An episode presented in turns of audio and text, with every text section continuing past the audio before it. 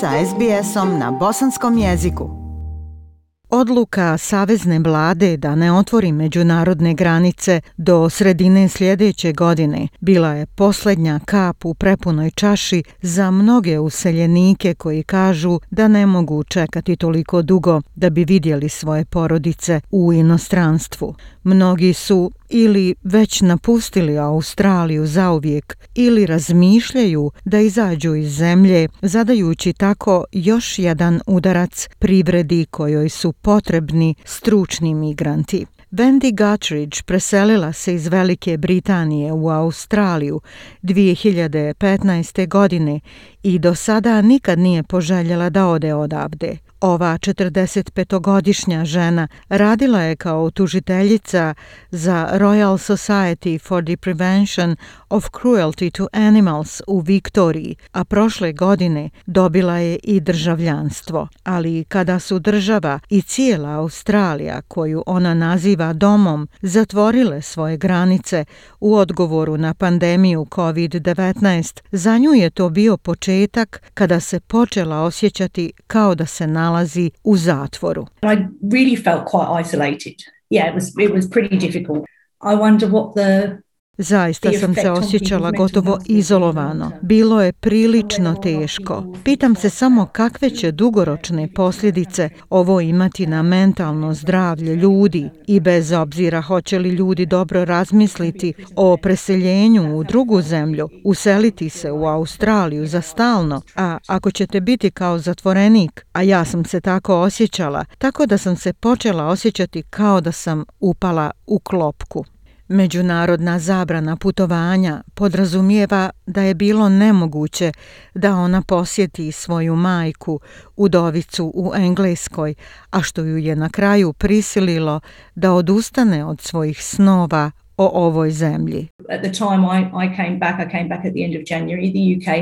U to vrijeme, vratila sam se ovdje krajem januara, um, Velika Britanija imala je preko 70.000 novih slučajeva svakog dana, preko 1000 smrtnih slučajeva na dnevnoj bazi, što samo pokazuje koliko jako želite da vidite svoju porodicu. Ona kaže da način kako vlada uvodi zabranu putovanja baca sjenku na njeno iskustvo života u Australiji i za sada, uprkos tome što ima državljanstvo, ne vidi sebe u situaciji da bi se ovamo brzo vratila. I would have sung Australia's praises to everybody and said, you know, this is a great place to live, you know, the, ja the sam uvijek great. svima hvalila Australiju, so govoreći kako je to fantastično mjesto za život, kako ima sjajnu vladu, a sada sam tako razočarana, zato što sam zabranom putovanja počela misliti, pa možda ovdje i nije sve tako sjajno.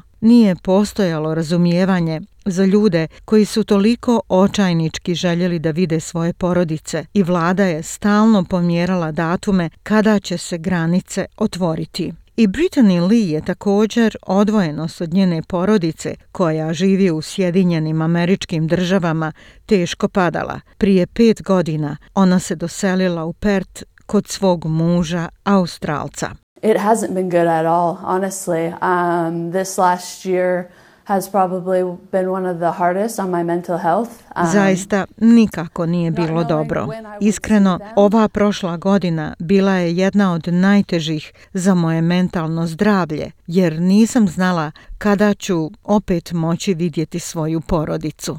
Ona radi u sektoru pomoći osobama sa invaliditetom, a njen muž je pogonski inženjer u rudnicima. Za dvije sedmice par se seli u Kaliforniju, a zato okrivljuju australske stroge uslove za ulazak u zemlju i izlazak iz nje. I see this is very long term, especially after this last year and seeing, you know, how Mislim da odlazimo za stalno, naročito poslije prošlogodišnjeg načina kako se Australija odnosila prema graničnim restriktivnim pravilima. Za analiz Kavan, koja nije bila u mogućnosti da vidi svoju porodicu u Kanadi, prošla godina također bila je veoma teška, naročito poslije rođenja njenog prvog djeteta. It was incredibly, incredibly difficult. Um, I had some very serious health issues. Bilo je um, nevjerovatno teško. Imala sam ozbiljne mentalne probleme nakon što je Max rođen, zato što nisam mogla imati svoju porodicu kraj um, sebe, a tako je bilo planirano. Ali zbog graničnih pravila, moja porodica nije bila u mogućnosti da bude uz mene. Analizija slobodni umjetnik, scenaristica dok je muž informatički konsultant. Od 2017. godine ovaj par živi na Gold Coastu, ali sada ozbiljno razmišljaju da se oproste od Australije. Daniel Kavan objašnjava. The borders aren't going to be open at least until mid 2022. I feel like we can't wait that long and we'd be looking at moving over Granice to Canada at the end of this year or the start of next year. 2022. godine i ja mislim da nećemo moći čekati tako dugo. Razmišljamo da se preselimo u Kanadu krajem ove godine ili početkom iduće. Mi smo odlučili da se doselimo u Australiju zato što smo mislili da je ova zemlja najbolje mjesto da se osnuje familija, ali ako nismo u mogućnosti da vidimo svoju familiju i ako ne možemo putovati tamo i ovamo da bi se susretali sa familijom, onda Australija zaista gubi vrijednost kao mjesto gdje se može podizati familija. Prema podacima Australske granične službe, od marta prošle godine više od 150.000 australskih državljana kao i osoba sa trajnom boravišnom dozvolom zatražilo je izuzeće da napusti zemlju.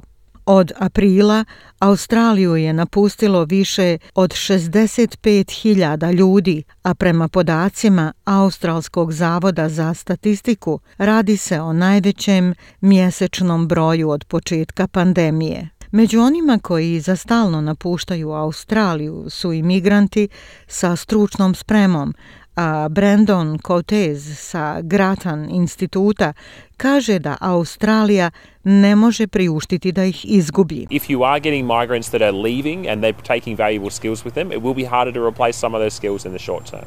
Uh, Ukoliko imate migrante koji napuštaju zemlju, a sobom odnose i neke vrijedne vještine, bit će veoma teško nadomjestiti ih u kratkom roku. Granice ostaju zatvorene i zbog toga, ako imamo dragocijene stručnjake, neće biti lako ponovo ih nadomjestiti, da li putem migracije, da li treninzima, što može uzeti i vremena, tako da za duže vrijeme nećemo imati vještine u australskoj privredi. Za sada, imajući već 40.000 Australaca koji su zaglavljeni u inostranstvu i koji su prioritet savezne vlade, raste pritisak da se učini nešto i da se podrže ljudi koji imaju rođake u inostranstvu. Nakon popisa stanovništva 2016. godine utvrđeno je da je gotovo polovina Australaca ili rođena ili ima najmanje jednog roditelja koji je rođen izvan Australije.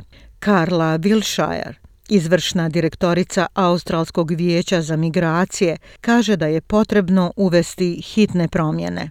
Family reunion is going to have to be a priority. We're going to have to look at ponovno spajanje porodica mora biti prioritet. Morat ćemo naročito obratiti pažnju na porodične vize, posebno u uslovima gdje postoji ranjivost uh, unutar porodice ili potreba za brigom. Moderna migracija je vrlo prohodna i jednom kada se ocelite u inostranstvo, postoje određena očekivanja da ćete biti u mogućnosti da posjećujete svoju familiju periodično, češće nego jednom godišnje, čak tri ili četiri puta u toku godine, tako da je produženi period bez mogućnosti posjećivanja porodice značajan teret u iskustvu naseljavanja u Australiju.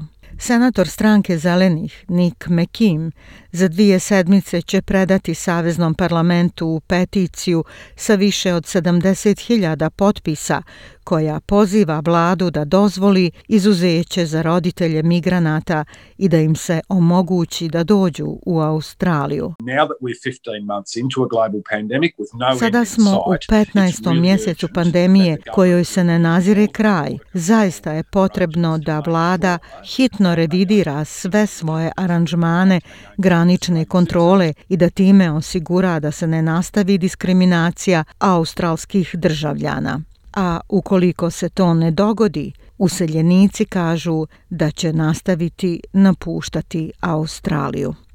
Ja sam Aisha Hadži Ahmetović. Ostanite uz SBS radio. SBS na bosanskom. Podijelite naše priče preko Facebooka.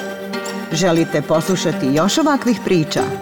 Slušajte preko Apple podcasta, Google podcasta, Spotify ili kako god da primate svoje podcastove.